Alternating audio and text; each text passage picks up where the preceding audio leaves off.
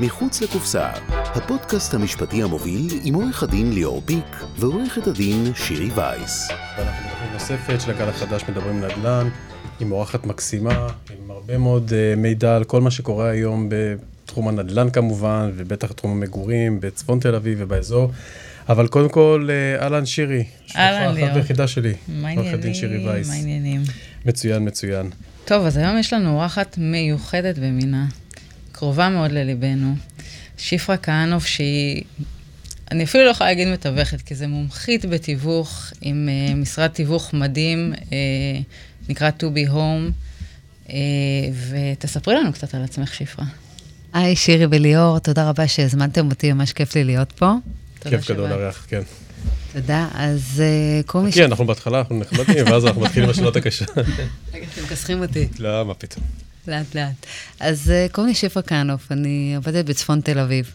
מתמחה שם כבר uh, 13 שנים. עושה את זה בתשוקה יום-יום. מאוד מאוד אוהבת uh, לעזור לאנשים uh, גם למצוא בית, גם למכור בית, בית, דירה, מגרש, כל אחד uh, מה שהוא רוצה. והמשרד שלנו נמצא בשכונת אלבוך צפון, נווה גן, שם במתחם סופר בונוס. ואנחנו מתמחים בכל מה שקשור ב... במכירת נכסים. במגורים בעצם. שנים, במגורים, כן. אוקיי, ובעצם יש לך איזשהו אה, חזון עסקי ואיזושהי שיטה שמהמתווכים שאני מכירה לא עובדים בשיטה הזו. אז, אז דווקא אני כן אשמח לשמוע על השיטה הזו.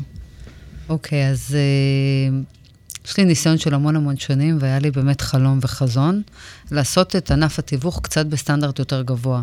לעשות חוויית לקוח שהיא יותר קלה, יותר נגישה, יותר ידידותית. היום כשאתה הולך לחפש נכס, אתה פשוט הולך לאיבוד קצת, אתה מתקשר למיליון מתווכים, מחפש בכל האתרים.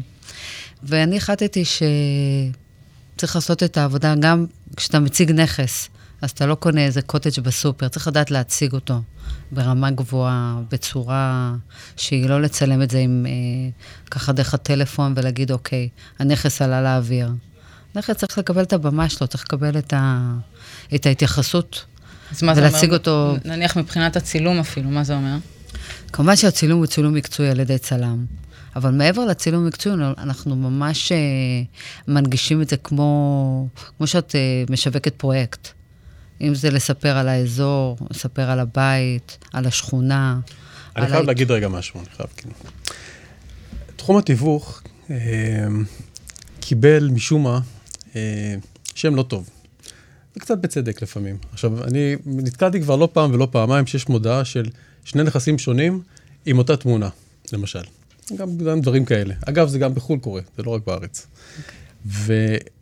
מה שאת עושה, אני חושב שאת קצת מנסה להחזיר ככה את ה... זה, זאת אומרת... את האמון. להתייחס בצורה יותר רצינית. תיווך זה, זה משהו, זה תחום רציני. אה, אה, זה באמת לזהות צרכים ולזהות מי הלקוח, ולנסות באמת לחבר ולהתאים את מה ש... ולא לנסות למכור משהו שהלקוח לא רוצה לקנות, כמו כל מיני... את יודעת, אני... עברנו איזה תקופה ככה לפני איזה שנה, זה, וחיפשנו איזה משהו. זאת אומרת, אני מחפש לפחות חמישה חדרים באזור זה וזה, ומביאים אותך למשהו של ארבע. זאת אומרת, למה? או היה לנו פעם גם כן משהו מצחיק שהגענו לאיזה זה, וכאילו, אבל דיברנו בפור... אה, טוב, אפשר אולי לחלק, וכל מיני שטויות כאלה. אז, אז לא, אז תיווך זה דבר רציני, ובכלל, אה, רכישת דירה זה אחת העסקאות הכי גדולות והכי חשובות שבן אדם עושה בחיים, מרביתנו עושים בחיים. אה, אז שאפו, כאילו, את באמת... אה, ממש. את זה בצורה... ממש, זה כזה יפה, אנחנו, באמת אנחנו עובדים עם הרבה מתווכים, ואני לא אתן את הדעה שלי, אני אומרת, מלקוחות לפעמים יש שם רע למקצוע, והם באים אליי, אני לא רוצה לשלם לזה, כי, כי הם באמת מרגישים איזשהו פספוס, וזה כל כך חבל, כי, כי כן עושים עבודה, פשוט יש איזושהי, כאילו, משהו מתפספס בדרך. משהו מתפספס בדרך, ודווקא אצלך, אני חושבת, לפי מה שאני רואה, זה נראה כמו חבילה איכותית, מקצועית, מדהים. נכון. עכשיו נעבור לדברים, אה, סתם. אה, אז ספרי לנו קצת, תשתפי אותנו ככה, התקופה האחרונה היא די מאתגרת בתחום הנדל"ן. יש, קורים כל מיני דברים. אה, לאן אנחנו הולכים? טוב, יש הרבה... לאן אנחנו הולכים? השוק הוא באמת במצב כזה של קצת של אי-ודאות. מצד אחד, הקונים קצת יושבים על הגדר, ובעלי הנכסים לא ממש עדיין אה, הורידו את המחירים, עוד אין ממש ירידת מחיר. כן שזה, יש... שזה תוקע עסקאות בעצם, כי אנשים תקועים תוקע... כאילו במחירים של פעם בעצם. נכון, אבל מתי כן יש ירידת מחיר? שאתה מגיע לנכס, אתה רואה אותו ואתה מגיש הצעה, אז בעל הנכס אה, כן... אה, כאילו כשיש כבר מישהו רציני, לא, לא במודעה. לא בדיוק, ב... בדיוק. Okay. אוקיי. אז הוא כבר מתחיל להוריד מחיר, ואנחנו עדיין לא נראה את זה ממש ככה, ב... כן יותר אצל קבלנים.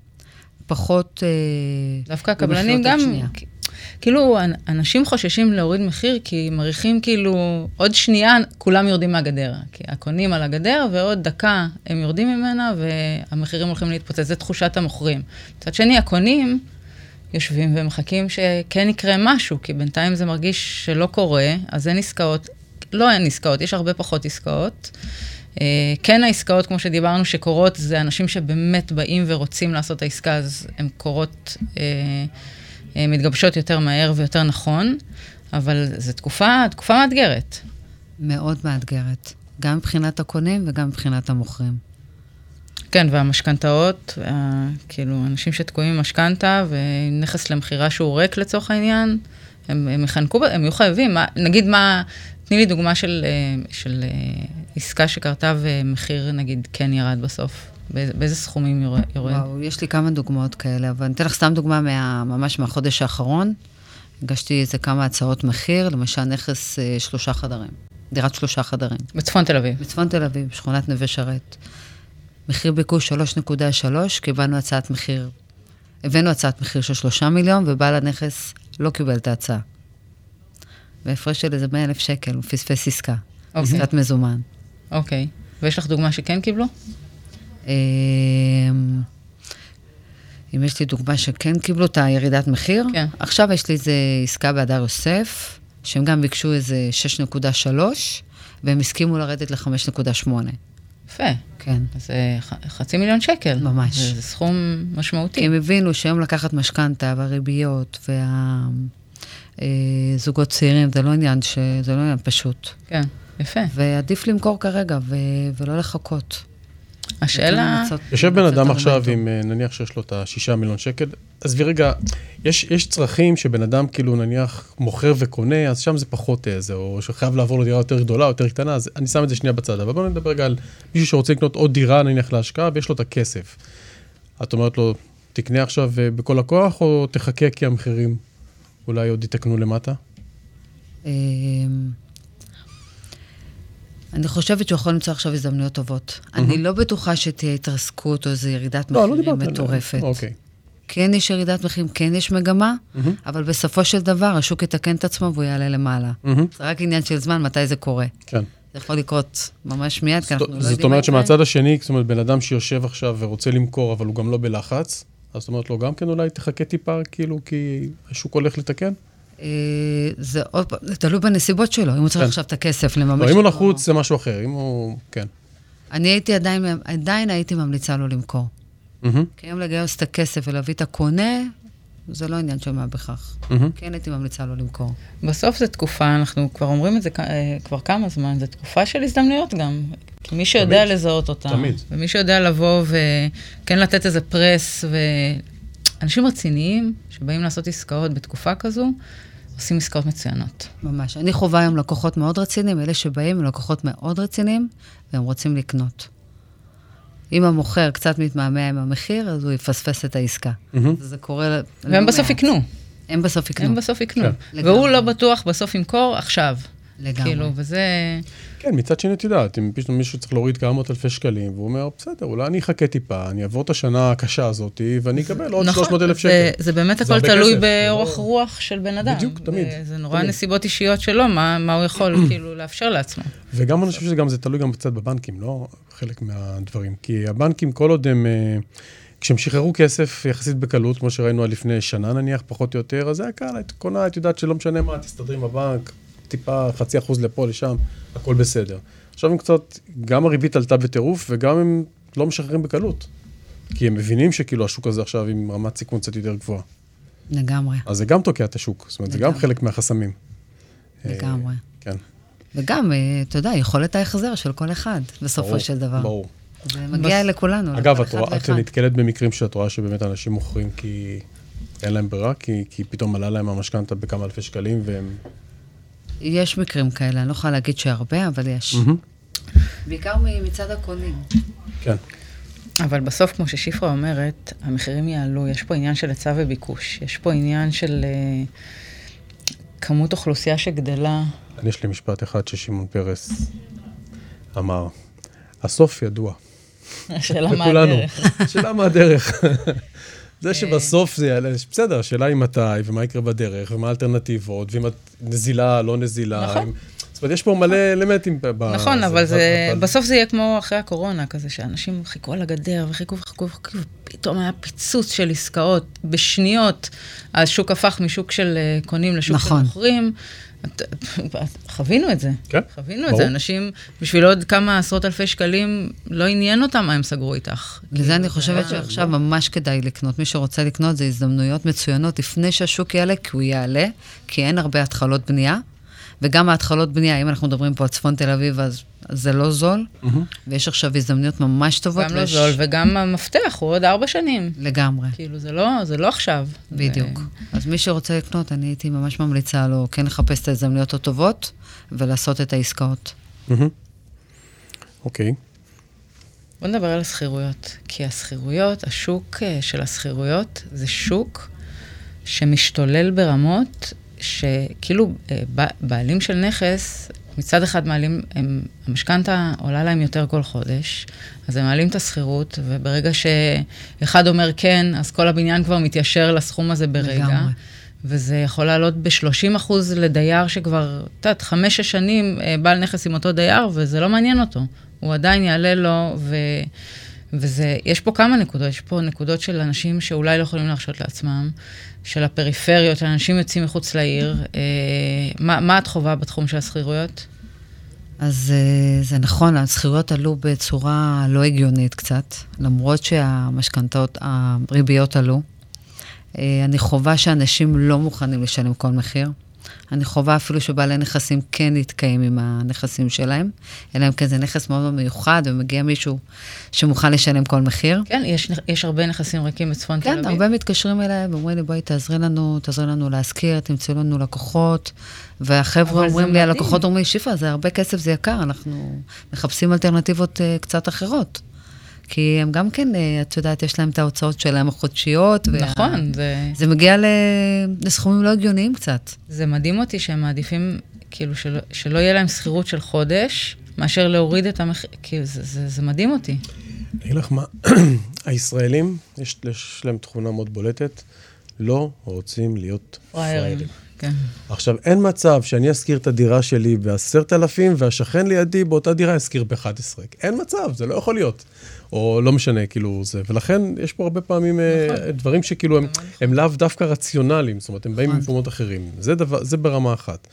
רמה שנייה, אני חושב שגם הרבה מאוד שנים השכירות הייתה יחסית, שוב פעם, באזורים שאנחנו מדברים, בתל אביב, בטח צפון תל אביב, שהדירות הן יקרות ממילא, אה, התשואה הייתה כלום, אחוז וחצי, לפעמים אפילו פחות. אז עכשיו יכול להיות שזה איזשהו סוג של תיקון, לא משנה הסיבות, הסיבה היא כאילו הריביות, אבל זה שטויות. הריביות זה לא בהכרח משפיע, לא אמור להשפיע בהכרח על הזה, אבל זה לא חשוב הסיבה. עכשיו התיקון, כי, כי בעצם הנכס אמור לתת קצת יותר נורמלית. כאילו, אנשים יצאו לחו"ל, ואנחנו נגיע לזה גם כמובן, אנשים יצאו לחו"ל, כי בחו"ל קיבלו 8, 9, 10 אחוז, ובארץ אחוז וחצי. אז בהכרח זה או שמחיר הנכס יורד, או שהשכירות צריכה לעלות. כאילו, זה, זה, זאת המשוואה. אז יכול להיות שזה תיקון. יכול להיות שזה תיקון, אבל מצד שני זה הגיע למחירים מאוד מאוד גבוהים. מהמם. מה, נכון. למשל, כאילו, יש לך דוגמה? דוגמאות. כן, תראי, סתם אתן בדירות חמישה חדרים. היו 9,000 שקל מושכרות, 10,000, קפצו ל-12 וחצי, ל-13 וחצי. מחיר שאת שוכרת בית לפני שנתיים. כן, ממש ככה. לפני שנה אפילו, ממש. דירות ארבעה חדרים, 10,000 שקל, זה, זה מחירים לא הגיוניים, זה לא היה. כן, זה לא הגיע היה. לרמות אה, מאוד מאוד גבוהות. ואז, ואז נגיד אנשים שלא יכולים להרשות לעצמם, בעצם מה, מה הם עושים? יוצאים לפריפריה? יש כאלה ששמעתי שכן, מתחילים לחשוב על אה, ככה יותר מסביב. מי שאין לו ברירה בילדים בבתי ספר, בגני ילדים, אה, בסופו של דבר משכיר. בסופו של דבר רוצה להישאר ב, במקום המוכר לו, ו... כן. ולא להזיז את הילדים. מהמם. ממש ככה. מתי אנשים הכי הרבה משנים, כאילו, את זה בסוף? האמת היא שאני כבר הרבה זמן, הרבה פעמים שואלים אותי את השאלה הזאת, mm-hmm. ואני אומרת שאין לזה בכלל שום חוק. אנשים יכולים לעבור בדצמבר, בינואר, בסוף שנה. פשוט אין לזה חוקים לדבר הזה. גם בקניית דירה, דרך אגב, אין כן, לזה לא, חוקים. זה לא, לא, השכירויות לא מתחדשות תמיד ביוני, יולי, אוגוסט כזה? חלק כן, והרבה אני חווה פתאום שיש שכירויות, ב... אנחנו מזכירים בנובמבר, ובינואר, וב... ובמרץ, וכל אחד יש לו את, ה... כן. את התזוזה השונה שלו.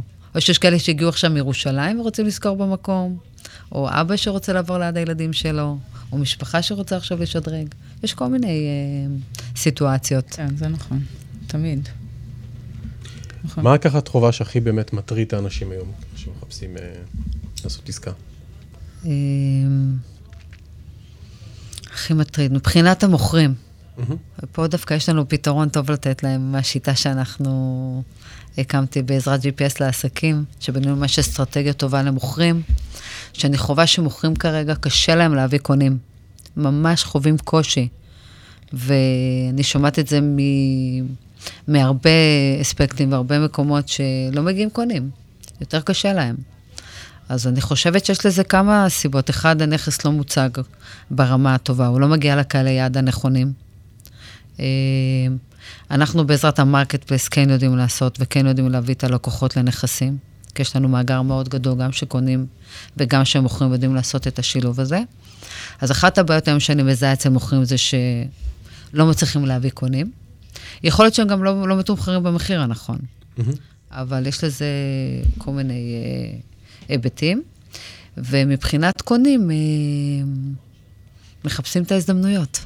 כן. ואם הם יזהו את ההזדמנות, אז הם פשוט ילכו על זה. אז גם פה צריך לדייק אותם. צריך לדעת מי הקונה, לעשות לו את התחקיר הנכון, ו- ו- בעצם ולהביא לו את לך- ה- את בעצם העסקה יש לך הטובה. רשימת שאלות שאת שואלת מוכר או קונה? מוכר, יש לי ממש שיטה ואסטרטגיה שלמה שאנחנו הקמנו. אוקיי. ומהרגע שאנחנו לוקחים את הנכס ועד הרגע שהוא נמכר, יש פה שיטה, ממש מתודה שעובדת. אה, מעבר לצלם ולעשות קטלוג לנכס, יש לנו מעטפת 360 של אה, בעלי מקצוע, כמו אה, יועץ משכנתאות, עורכי דין, שמאי, אדריכלים. הם כולם נותנים ייעוץ ללא עלות. כל לקוח יכול לשאול אותם כל שאלה שהוא רוצה, להתייעץ איתם. GPS לעסקים, אנחנו ממש מקימים, בונים אסטרטגיה למכירת הנכס, מכל ההיבטים, איך להציג אותו בחוץ, איזה קהל ליד להגיע, אה, איזה צילומים מקצועיים, מה החוזקות של הנכס, מה החולשות שלו. ממש לדעת איך להציג אותו החוצה, באמת להביא את הקונה הנכון. ואת זה אנחנו יודעים לעשות ממש טוב. יפה, ממש יפה. גם בימים אלה יודעים להביא לקוחות לנכסים, שזה לא פשוט, נכון. מאוד מאתגר. אגב, אנחנו גם את זה רואים הרבה פעמים, זאת אומרת שנכס מוצע כזה, כאילו, הטואלטת שאף אחד לא טיפל בזה לפני, וכל הבלאגן, והזה, וכאילו, ואי אפשר בכלל לזוז בבית. ויש דירות שאת רואה שכאילו הכינו אותם, את ל- לקראת ה... זה הכי כיף. זה כן. ממש כיף שאתה בא והדירה מוכנה והיא מסודרת, ואתה רואה שאפשר באמת להראות אותה בצורה, ברמה גבוהה. כן.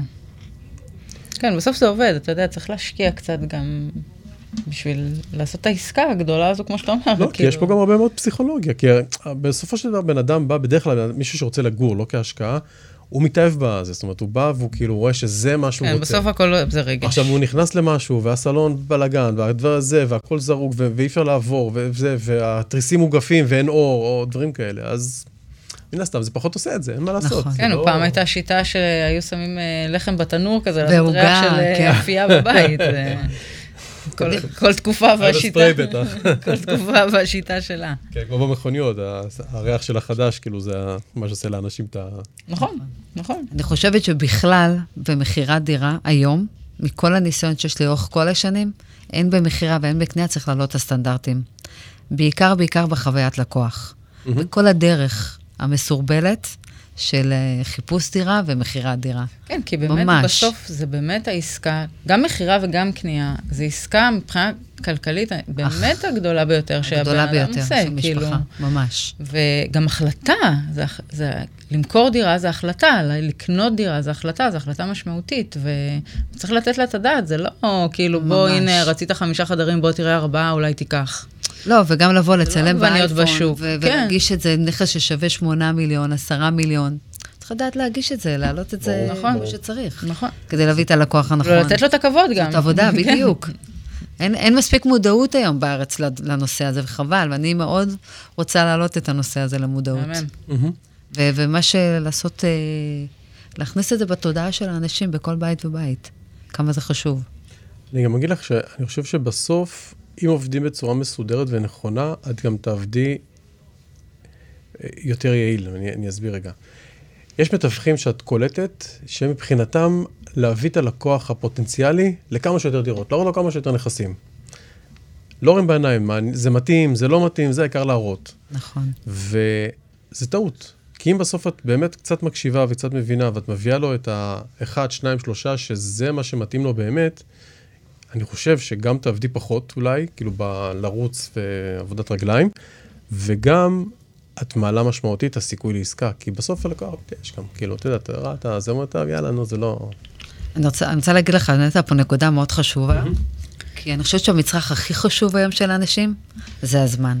ברור. ולקחת לקוחות, וסתם לקחת אותם לכל כך הרבה נכסים שלא מתאימים להם, ולא עשית את הדיוק איתם, ואת התשאול הנכון, חבל על הזמן של כולם, זו עוגמת נפש לכולם. גם מפספס את הלקוח ובזבוז בסוף. זהו, זה. מתסכל, זה כאילו... ממש, מעייף גם- ומתסכל. גם איזה מבאס זה לעשות כזו עסקה כשאת מתוסכלת. כאילו, צריך לעשות את זה בטוב, באנרגיות כאילו נכונות, זה כל כך חשוב ל...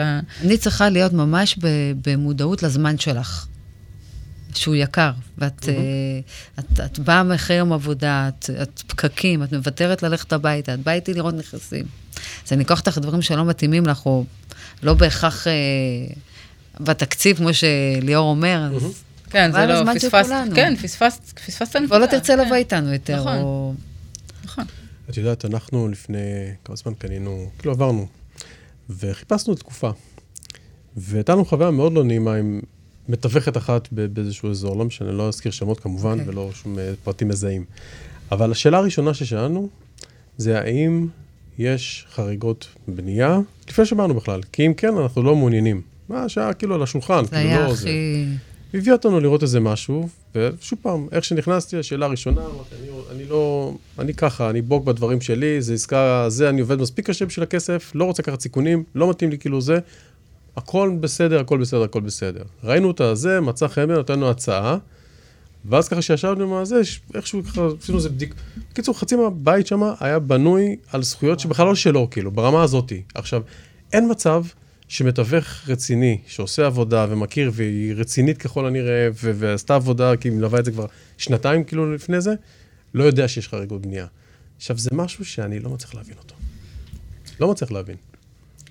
אני ממש מסכימה איתך. אני חושבת שצריך להגיד ללקוח הכל. אם יש רעש, תגיד שיש לו רעש. אם יש רטיבות, תגיד שיש רטיבות. חד משמעית. אם יש חריגות בנייה, זה הדבר הכי חובה בטח להגיד. שזה משהו מהותי, את יודעת, יש דברים שאת. יכולה לתקן באיזשהו... גם בסוף זה, זה. מתגלה בהסכם, כאילו... זה מתגלה בהסכם, זה מתגלה בדרך, זה הורס את השם של המתווך, זה אחרי זה משפיע הלאה, כי את תמיד תגידי, אה, זה, אל תתקרב, כי... זה לא מביא שום דבר. וגם אני לא- מתסכל. לא מבין את זה, כאילו, אבל זה זה קורה. אני חייבת להגיד לך שאני לא לוקחת לקוח לפגישה, לפני שהוא נתן לי את האוקיי, אחרי ששלחנו לו את כל הפרטים של הנכס, וכל מה שיש מסביב. אם זה רעש, אם זה בנייה, אם זה החנייה, אם זה כל דבר. אם אין כניסה נפרדת למרתף. הוא חייב להגיד שהוא הבין והוא יודע בדיוק לאן... כמה לאן הוא נכסים, מגיע. נגיד, בממוצע תראי ללקוח לפני שהוא סוגר? לקוח שבא לסגור, כאילו... שמוכן לעסקה, כאילו, בשל לעסקה. זה נורא תלוי. יש לקוחות שאני לוקחת, כמו ההצעה הזאת שנתתי בנווה שרת, היא עלתה, ירדה ונתנה לי הצעה. הסטטיסטיקה הגדולה אומרת שמתווך רגיל חדש, זה כל אה, עסקה על כל 60 פגישות, אבל מישהו וואו. שמיומן, וואו. כן, זה הסטטיסטיקה. אבל מישהו שהוא מיומן, אני מניחה שזה 1 ל-20, 1 ל-30, גם הרבה. כן. אה, אבל תלוי, זה יכול להיות גם פחות, כי סגרתי לא מזמן עסקה שהיא מטורפת, אה, בית פרטי בשכונת אל-ברוך, ועשינו את זה בפגישה אחת. זה וגם גם עניין של מזל גבוה. גם, אני חושב. לא? עניין של זה- מזל וגם עניין התאמה. של בשלות. שהלקוח רצה את הרחוב המסוים, אה, את הבית המסוים, באופן מסוים, והוא יודע שאין הרבה בשוק, כן. אז הוא הולך על זה ממש במהירות. זה נכון שהרבה פעמים אנשים אה, מתרגלים לאזור מסוים ולא יוצאים ממנו? לגמרי. כאילו, תמיד צחקנו על רמת, השר, על רמת השרון, אבל תכלס זה גם קיים גם באזורים שאת מדברת, שאת... לגמרי. כאילו, לגמרי. ואז רוצים מעליות ליד ההורים, ליד הזה, ליד איפה שגד, כל אחד והזה שלו, אבל כאילו... הם ממש רגילים. משפרי דיור, משלושה חדרים דיור, לארבעה טוב. חדרים, מהמם. מארבעה חדרים לחמישה חדרים, מחמישה חדרים לבית או פנטהאוז, אבל ממש או בשכונה, לפעמים גם לא רוצים לעבור לשכונה ליד, כן, ממש ברמה הזאת. ואם הם לא מצאו, הם יישארו באותה דירה, עד שהם ימצאו. יפה. זה קטע. כן, זה קטע. ממש. אבל זה גם נוחות, זה גם, בכללי אנשים, זה שינוי גדול, מעבר שכונה או מעבר עיר, זה שינוי גדול, אנשים לא אוהבים את השינויים הענקיים האלה. אני דווקא בעד שינוי. כל כמה זמן בן אדם, או משפחה, נניח, מחליפים בממוצע, דירה. וואו, זה באמת תלוי משפחה. יש כאלה שאוהבים לעבור דירות, ואז מהמם. הם עושים את זה בקצב של 4-5 שנים, יש כאלה שכל 10 שנים. זה גם תלוי בגדילה, בצמיחה של כן. המשפחה. כן, אם פתאום הם. שני ילדים, עברו לשלושה ילדים, ארבעה ילדים, אז, מהמם. אז המעבר הוא יותר uh, מהיר. את רואה עכשיו למשל, כאילו, תופעה שאנשים אה, לא משפרי דיור, אלא הפוך, בגלל כאילו המצב והיוקר וכולי? זאת אומרת שעוברים כן. לדירה קצת יותר קטנה נניח, יותר זולה, בשביל לא, להוריד לא. משכנתה או דברים כאלה? לא, או שלא עוברים בכלל, מהמם. מה שאני נתקלתי, אה, יותר זול, אולי זה יותר לזוגות מבוגרים. Mm.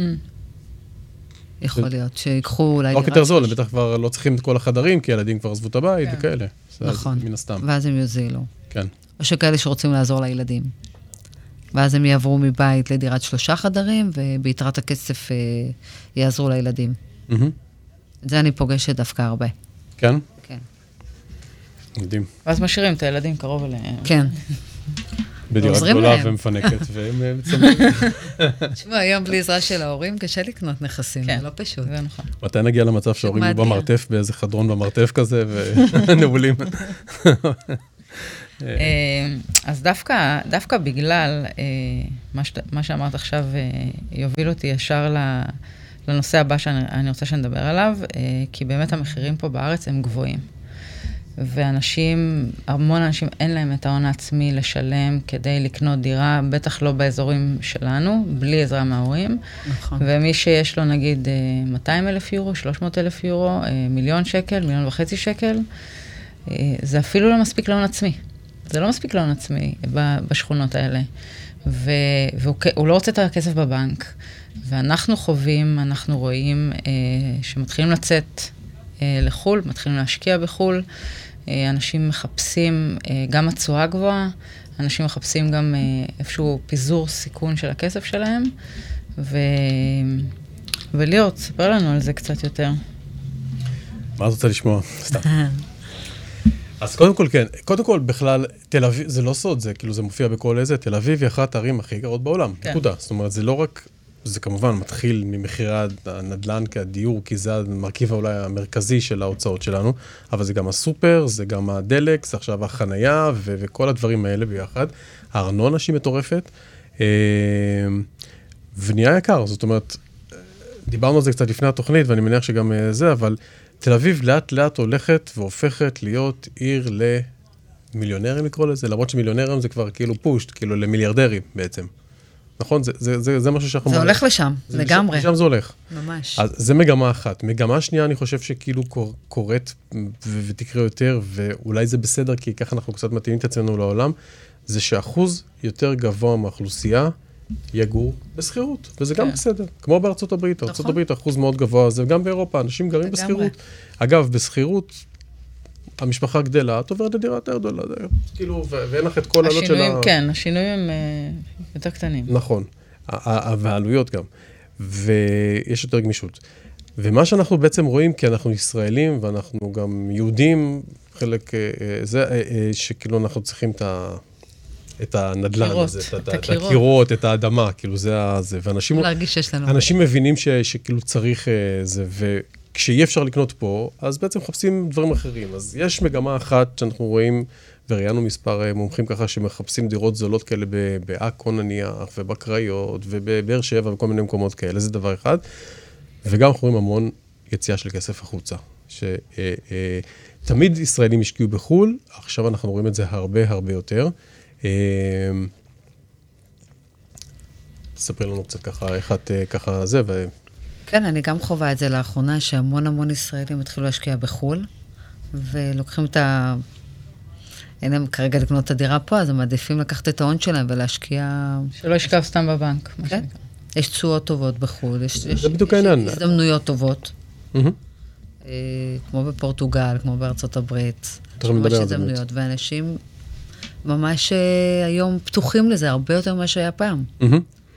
תשמעי, אנחנו אה, כבר הרבה שנים כאילו בארצות הברית, ובתקופה האחרונה גם בפורטוגל. כשאנחנו התחלנו בארצות הברית, האקסל הפשוט דיבר על זה שבארץ, תל אביב, שוב פעם, תל אביב רבתי, 2 אחוז, אני אהיה לארג' כאילו, זה 2 אחוז תשואה. עזבי רגע את עליית הערך של, של הנכס, כי זה, את יודעת, אף אחד לא יודע לנ- לנבא את זה, אבל 2 אחוז תשואה. בארצות הברית את יכולה לקבל בקלות פי 4, פי 5, לפעמים אפילו פי 6. מה השאלה בכלל? וזה הברית, עם כל הכבוד לישראל וכולי וכולי וכולי, הברית זה מקום קצת יותר גדול, קצת, השוק קצת יותר משוכלל, הדולר זה דולר וכולי. אה, אז זה די מסביר את זה למה הרבה מאוד אנשים השקיעו שם. היום פשוט המחירים עלו, ואז התשואה נשחקה, אז אנחנו מגיעים לתשואות יותר נמוכות. אה, אז זה דבר אחד. דבר שני, גם אנשים רוצים לפזר סיכון. את רואה, יש כל מיני סיכונים, אנחנו חווים את זה לאחרונה, דברים שלא צפינו בכלל שיקרו.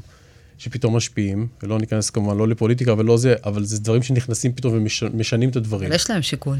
אה, אה, נכון, אז, אז חלק מזה זה פיזור סיכון, ואני חושב שכאילו כל בן אדם אחראי שיש לו, מעבר לדירת, דירת המגורים זה דירת המגורים, זאת אומרת, תגור, תרצי לקנות או לסחור במקום שבו את כאילו נמצאת, זה ברור.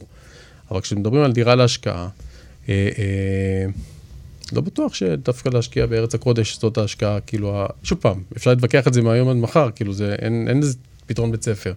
אבל בוודאי שמישהו שיש לו נניח שלוש דירות השקעה, אם הוא היה מגיע אלינו, הייתי אומר לו, אחד בארץ, אחד בארצות הברית, אחד באירופה. עוד לפני שנכנסים לאן ואיך ולמה. אתה מפזר סיכון, מטבעות, יבשות, כל מיני סיכונים אחרים. אה, אבל אז אנחנו נכנסים להרבה מאוד עניינים אחרים, כי זה בעצם משהו שהוא רחוק. ואז אנשים, ואנחנו קוראים את זה גם זה לאחרונה, אה, ושוב פעם, לא ניכנס לעומק, אבל על כל מיני הסתבכויות, והאם אני יכול לסמוך על זה שהשקעתי באמצעותו, שיטפל לי. אנשים מפחדים. ואנשים מפחדים, וזה רחוק. להשקיע בארצות הברית, אני מה, אני עכשיו, יהיה לו משהו, אז אני אקח טיסה ואני ארוץ וזה. אה, היה לנו לא מזמן לקוח שאמר, לא מעניין אותי מה, תן לי בבאר שבע דירה, רק אל תיתן לי בארצות הברית. כל מקום אני שאני יכול להגיע כן. ככה עם הא- עם האוטו. אני רוצה שליטה, אני רוצה, לא רוצה חברת ניהול שתלך ותסדר לי את הנזילה, את הסתימה אם יש, אני רוצה בעצמי לנסוע גם אם זה לבאר שבע. זה נורא עניין גם של אופי. נכון, נכון, זה תמיד אה, של אבא שלי, כאילו. אבא שלי לא זה, אבל, אבל, אני, אני חולק על אנשים כאלה, כי אני חושב שהם הם מתייחסים לה- להשקעה הזאת בצורה אחרת. אני חושב שכמו שאת נותנת את הכסף שלך לקרן פנסיה שתנהל אותו בצורה מקצועית, בדיוק. אין שום בעיה לתת את זה לחברה ניהול מקצועית. כל עוד החברה באמת מקצועית, ועשית בדיקות, נכון. וראית את האזור, וקראת, ובדקת וכולי אבל, וכולי. אבל זו, אה, כאילו יש כמה בעיות בהשקעות של, של חו"ל, זו אחת מהן, שאנשים רוצים כאילו לחוש את, ה, את הנכס בכל רגע נתון. והשנייה זה באמת שלא, שקשה לסמוך על, על, בעצם על מי שמוכר לך בארץ את הנכס הזה בחו"ל, כי את לא יודעת מי הוא, את לא יודעת בהכרח מה הוא מוכר לך, לא יודעת איפה הוא מוכר לך. שמענו סיפורים מפה עד להודעה נכון. חדשה, וזה... לא צריך לדעת אם מי עושים את זה. אני רוצה להגיד לך משהו בנושא הזה לשניכם. היום בארץ כבר להשקיע בכל מקום זה כבר לא כזה זול. נכון. גם בבאר שבע, גם בנהריה, גם בחיפה, נכון. הכל עלה. לכן, אם יש להם כסף והם לא מצליחים להשקיע פה בארץ, כן הייתי ממליצה להם לעשות השקעות בחו"ל. חד משמעית. וכן לחבור לקבוצה שהיא טובה, או למשרד שהוא טוב, ופשוט לבדוק את זה. רוצות, תקשרו אלינו. כן, תתקשרו לליאור ולשירי, אתם בידיים הכי טובות האמת היא, שיש. האמת היא שאני חושב שכאילו. בתפיסה שלי לפחות, הדבר הכי חשוב שהרבה פעמים אנשים לא עושים את זה, ישראלים, שוב פעם, כמו שאמרתי מקודם, לא רוצים לצאת פראיירים, אז יש עוד אה, משהו של ישראלי, אבל, אבל הוא, הוא עשה, הוא השקיע, תופעת העדר. ואיזה חבר של חבר אמר שזה בסדר, ואז הולכים וזה. תבדקו, תלמדו את האזור, תלמדו את העניינים, תיסעו. תשאלו, תיסעו, תראו בעיניים. פה אנחנו הולכים ובודקים כל שטות וזה, מבטחים את האוטו, כי אה, אם יקרה זה, אז הנזק יהיה לי עשרות אלפי שקלים. אתם קונים משהו במיליון שקל, בשני מיליון, ב- לא יודע מה, בדולר, סעו תראו, סעו תראו, לראות את הזה, אין כמו מראה עיניים. בנדל"ן זה קל, את נמצאת במקום, גם אם את לא מקצועית, מקצוענית, את מבינה קצת, אם זה שכונה... אפשר לחוש, כן. מכרו לאנשים בשכונות פשע שאי אפשר להיכנס אליהם. אם היו נוסעים למקום, היו רואים בדקה שאי אפשר להיכנס לשם. זה לא מקום שאת רוצה להסתובב, אז בטח לא סוחר שלא ישלם לך. אה, אה, זה אחד. שתיים, רמאים יש בכל מקום, אני מזכיר לכם שגם פה היו כמה פרשות, ענבל, שמנבל וכאלה. אז רמאים יש בכל מקום, איפה שיש כסף וזה, וגם פה אנשים נפלו, גם בהשקעות בארץ. אז זה לא- לאו דווקא עם בעיה של חו"ל. אז כמובן לבדוק, לבחור מישהו שהוא אמין, שיש לו טרק רקורד נורמלי. לקחת המלצות. נכון, לברר ולנסוע ממש, ולראות. לקרוא, לברר. אפשר לראות ממש. היום כל דבר צריך לבדוק, אני בעד לבדוק כל דבר. יש לנו, כל המידע היום אה, זמין לנו. נכון. נכון? אז למה נכון, לא לבדוק. ולראות? נכון, נכון. אה, לא להסתפק בהמלצות ולא בזה. אני היה לי עכשיו בפורטוגל ככה באיזה... אני נודניק, אני הולך, אני אין... ככה צריך לבדוק. ברגל, לא, לא סומך על זה, אבל לפני זה את רואה כאילו כל מיני סרטונים שאת יודעת, שמוכרים מעלים וכולי, גם שם לפעמים יש איזה, אתה יודע, איזה דירה, שאתה נראה טוב, באתי, זה היה, מה זה פח זבל? כאילו, מה זה, אין קשר בין הצילומים לבין מה שקורה בפועל. עכשיו, אם הייתי מסתפק בצילומים, אגב, זו גם חברה רצינית שמשווקת, אבל זה לא רלוונטי, כי את יודעת, לא תמונות, אלוהים יודע מאיזה שנה, אה, אז מהר מאוד, מתחילים תיקונים, מתחילים בעיות, מתחיל זה, אולי אפשר להזכיר את זה. אז אין כמו מראה עיניים, חד. משמעית. ואנשים טובים, איתך. זה תמיד. לגמרי. זה הכי חשוב. כן, האמת היא בכל דבר שעושים בחיים. נכון. נכון. נכון. לגמרי. טוב, יפה. אמ, את צופה, או לא, איזשהו אה, שינוי דרמטי שישפיע גם בסוף על הנדל"ן? זאת אומרת, שיבוא ממקום אחר בכלל? מעבר למה שקורה בשוק הנדל"ן, זה שוק הנדל"ן, אבל הוא, הוא תמיד מושפע גם משוק ההון, מדברים פוליטיים, מכל מיני דברים. מגידול באוכלוסייה, מקיטון בזה, משינוי באוכלוסייה, אה, מעבר של, לא יודע. לגמרי, כל דבר יכול להביא לנו לשינוי, אם זה כמובן מה שקורה אצלנו במדינה. אה, האמת שמה שקרה עכשיו, זה שינה את התפיסת חשיבה של המון המון אנשים שאני מכירה, שהם ממש אה, אנשים, אה, את יודעת, אה, אוהבי הארץ, מאלה שנלחמים על הארץ. פטריוטים, כן. ממש פטריוטים, והם פשוט... פתאום הגיעו למחשבה שהם רוצים ללכת ולגור במקום אחר, לנסות משהו אחר. או לפחות שיהיה להם משהו במקום אחר. שיהיה להם משהו במקום אחר. אה, תראה, מלחמה, אם תהיה משהו כזה, זה יכול להשפיע על מחירי הנדל"ן. אה, המלחמה ברוסיה משפיעה כבר על ה, כל הבנייה וכל העלויות. אז אנחנו, שם דווקא, דווקא חווים את זה, ב, לא, לאו דווקא בבנייה, מהמם. בעוד, אה, נכון. בעוד, אה, בעוד דברים. אה, אז כן, יש המון המון גורמים שיכולים להשפיע על מחירי הנדל"ן. אני אומר שאנחנו חיים בתקופה של הייטק. כאילו, מה, מה זה בעצם עשה? זה הביא לשינויים הרבה יותר מהירים משהו פעם, ומאוד גדולים. רק יצאנו מתקופת הקורונה, שהקורונה גם שיבשה את כל מה שאנחנו מכירים, פתאום אנשים רצו בית, רצו דירה יותר גדולה, רצו חצר, רצו כל מיני... זה, זה, זה, נכון. זה משהו אחד. לא הספקנו לסיים אותה, כאילו כל פעם יש לנו איזה משהו גדול, אה, ש... שמשנה כאילו זה, ו, ואני חושב שהיום צריך להיות, וזה לא קל, צריך להיות יותר מוכנים לשינויים. אה, זה לא קל, כי אנשים זה, לא רוצים לצ- לצאת מהשכונה, אז פתאום משתנה לזה וצריכים עכשיו לעשות... אה, אה, אבל אין ברירה, זה אין, אין ברירה, רק בש... אפילו רק בשביל לשמור על מה שיש, צריך להיות מה ש... יותר... נכון, מה יותר שזה גמישים. בעיק- נכון, מה שבעיקר זה לימד אותנו זה לחיות באי-ודאות. כן. נכון, נכון, זה בדיוק. מאז זה- הקורונה, נכון, אנחנו כולנו מתורגלים ב... נכון. בנושא הזה.